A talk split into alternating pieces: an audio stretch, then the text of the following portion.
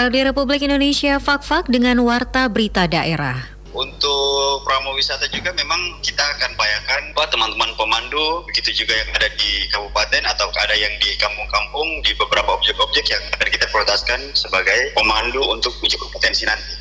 Dari harga yang murah saja sudah curiga, jangan mentang-mentang murah terus mau membeli. Berarti itu kan membuka peluang, membuka kesempatan untuk pencuri itu untuk terus curi, curi, curi, curi. Tidak mungkin dia mau curi terus kalau tidak ada orang yang beli.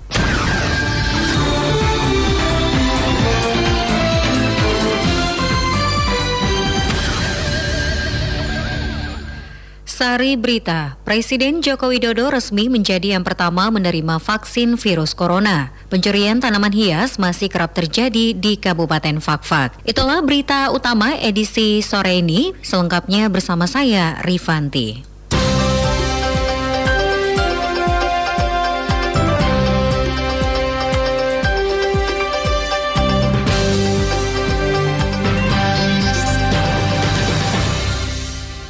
Saudara Presiden Joko Widodo menjadi orang pertama di Indonesia yang disuntik vaksin COVID-19 berlangsung di lobi Istana Merdeka Jakarta pagi tadi sekitar pukul 10 waktu Indonesia Barat. Dikutip dari rri.co.id, dalam proses vaksinasi ini terdapat beberapa tahapan yang harus dilakukan Jokowi dan peserta vaksin lainnya, yakni yang pertama proses pendaftaran untuk verifikasi data, kedua proses pemeriksaan kesehatan sederhana seperti cek tekanan darah, dan pemberian edukasi terkait vaksin COVID-19, serta ketiga adalah proses penyuntikan vaksin. Proses penyuntikan vaksin COVID-19 kepada Presiden dilakukan oleh Wakil Ketua Dokter Kepresidenan, Profesor Dr. Abdul Mutalib, Usai proses penyuntikan, Presiden Jokowi tampak diberikan plester untuk menutupi bekas suntikannya, kemudian menuju ke meja keempat guna diberikan edukasi agar menunggu 30 menit setelah proses penyuntikan. Hal ini guna antisipasi dan monitoring ada atau tidaknya kejadian pasca penyuntikan vaksin.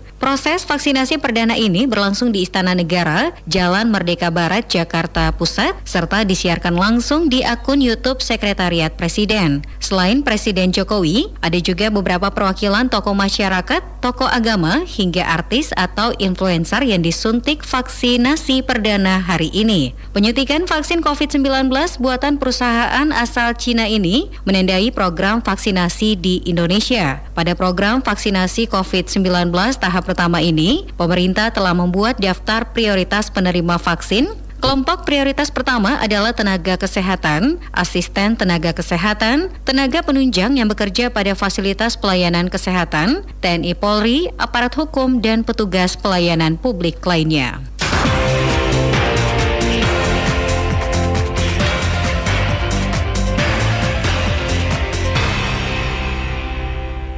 Sebanyak 50 anggota pemandu wisata di Kabupaten Fakfak dan Kaimana akan mengikuti sertifikasi uji kompetensi pramuwisata di tahun 2021.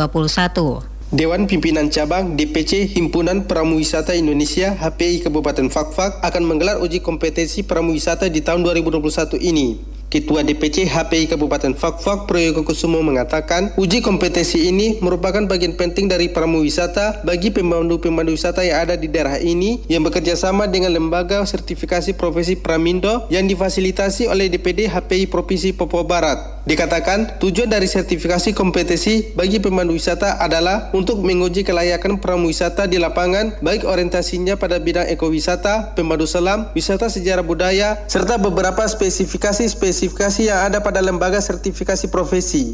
Kompetensi ini adalah bagian penting dari pramu wisata khususnya kami yang profesi sebagai sebagai pemandu. Ya, HP Fakfak juga berkesempatan untuk kerjasama uh, melalui LSB Pramindo yang difasilitasi oleh DPD Provinsi Papua Barat akan melakukan sertifikasi kompetensi di Fakfak. Tujuan dari sertifikasi kompetensi ini untuk uh, menguji kelayakan pramu wisata di lapangan jadi uh, dengan basically mereka sebagai pemandu itu akan lagi diperkuat dengan uji kompetensinya hmm. yang orientasinya itu ada ke ekowisata, ada pemandu selam, ada ke pemandu sejarah budaya dan beberapa uh, spesifikasi-spesifikasi yang ada pada LSP nanti. Untuk promo wisata juga memang kita akan bayarkan buat teman-teman pemandu begitu juga yang ada di kabupaten atau ada yang di kampung-kampung di beberapa objek-objek yang akan kita prioritaskan sebagai pemandu untuk uji kompetensi nanti. Ia menambahkan, penilaian pada sertifikasi atau uji kompetensi pramuwisata akan dinilai sebanyak tiga orang asesor untuk menguji kelayakan pemandu wisata yang mengikuti uji kompetensi tersebut. Sementara jumlah peserta pemandu wisata yang mengikuti sertifikasi kompetensi sebanyak 50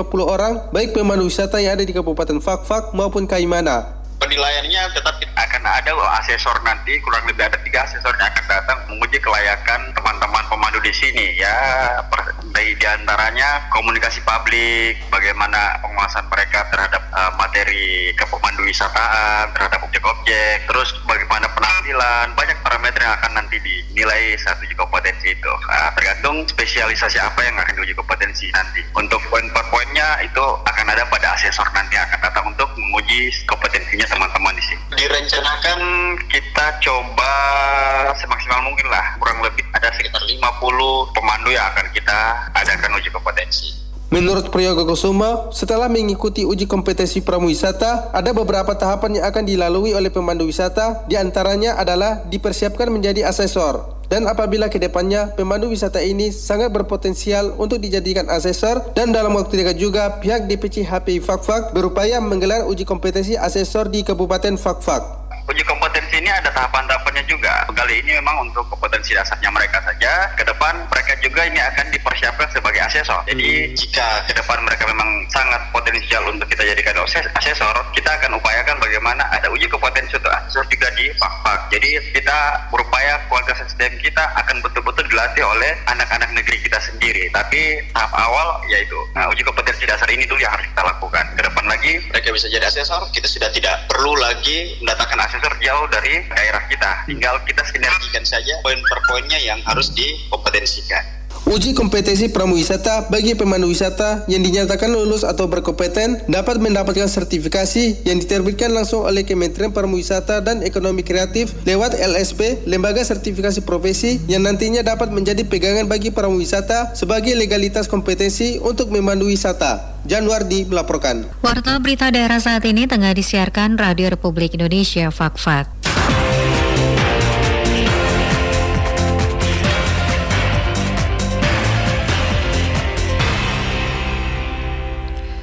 Saudara, di tengah pandemi COVID-19, masyarakat gencar bercocok tanam guna memenuhi kebutuhan pangan lokal. Terkait dengan itu, untuk lebih mendekatkan polisi kepada masyarakat, maka personil Polsek Fakfak Barat turut membantu petani membersihkan lahan kebun kelompok tani di Kampung Kukandak. Kapolsek Fakfak Barat, Ibtu Ananias Waimbo mengatakan, tugas polisi tidak hanya menegakkan hukum dan menjaga Kamtipmas tetap kondusif, tetapi juga mempunyai tugas bagaimana membantu masyarakat masyarakat dalam berbagai hal seperti yang dilakukan personilnya membersihkan lahan pertanian warga. Selain itu, menurut Ibtu Ananias Waimbo, hal tersebut juga merupakan bagian dari upaya Polri untuk mendorong semangat petani bercocok tanam serta ikut mendukung program ketahanan pangan nasional yang digagas pemerintah. Dijelaskan, tidak hanya Kukendak namun pihaknya juga siap membantu masyarakat lainnya sehingga masyarakat dapat bercocok tanam dengan baik. Sementara itu dalam masa pandemi ini, pihaknya pun tidak henti-hentinya menghimbau masyarakat untuk tetap mematuhi protokol kesehatan sehingga dapat memutus mata rantai penyebaran COVID-19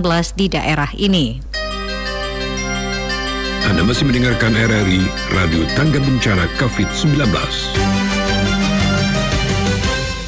Memasuki tahun 2021, pencurian tanaman hias masih kerap terjadi di Kabupaten Fakfak. Berikut laporannya. Saudara memasuki tahun 2021, pencurian tanaman hias masih kerap terjadi di Kabupaten Fakfak. Sebelumnya di tahun 2020, kasus pencurian tanaman hias meningkat akibat tingkat ekonomi yang sulit di masa pandemi COVID-19. Kasus pencurian ini menimbulkan kekhawatiran masyarakat pecinta tanaman hias di daerah ini. Seperti yang dialami Herlina, salah seorang kolektor tanaman hias yang beralamat di Kompleks Wagom Gunung semalam. Dituturkan Herlina, pukul 24.00 waktu Indonesia Timur, tanaman hias miliknya masih tersusun rapi di teras rumah. Sekira pukul 2.30 dini hari, pelaku mulai beraksi melakukan pencurian. Hal tersebut baru diketahuinya setelah pukul 4 subuh. Diakuinya rupanya pelaku ini sudah menguasai dan mengetahui situasi rumah karena pelaku dengan lihainya mengubah posisi kamera pengawas atau CCTV. Ditambahkan, meskipun sistem keamanan rumah sudah dilengkapi dengan pagar yang di rumah, juga kamera pengawas atau CCTV, namun tidak menghentikan niat pelaku untuk mencuri. Bahkan 8 tanaman sekaligus raib di bawah pelaku. Jadi pertama itu sekitar jam 12 itu bunganya masih ada karena anak saya pulang jam begitu. Terus kemudian saya terbangun jam 4 subuh, saya keluar lihat, eh bunga sudah tidak ada. Uh, jadi semua itu ada 9 pot sebenarnya yang dicabut, tapi satunya di mungkin lupa atau bagaimana tertinggal satu pohon.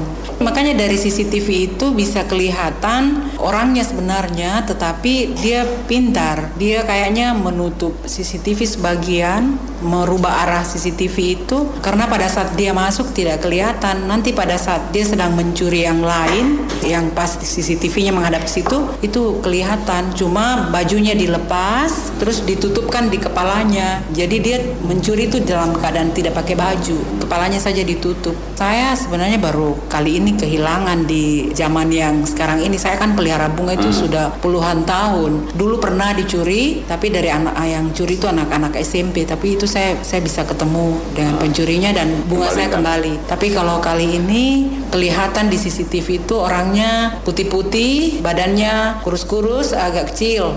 Tapi kalau saya lihat orangnya sih bisa tahu.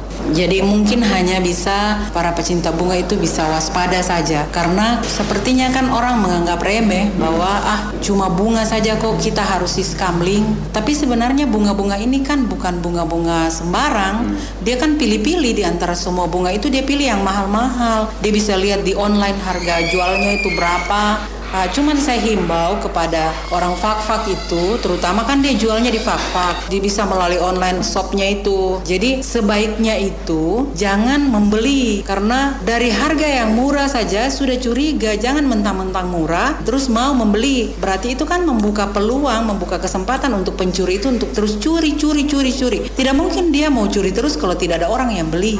Iya toh? Dengan adanya kejadian tersebut, ia meminta untuk diberlakukan atau diaktifkan kembali sistem keamanan lingkungan atau Siskamling. Sebelumnya, kasus pencurian dengan modus yang sama juga terjadi di beberapa lokasi yang berbeda di Kabupaten Fakfak. Untuk itu diharapkan agar aparat keamanan setempat bertindak tegas mengatasi kasus ini demi kenyamanan dan ketertiban masyarakat. Demikian Hani melaporkan. Sekian warta berita daerah produksi Radio Republik Indonesia Fakfak.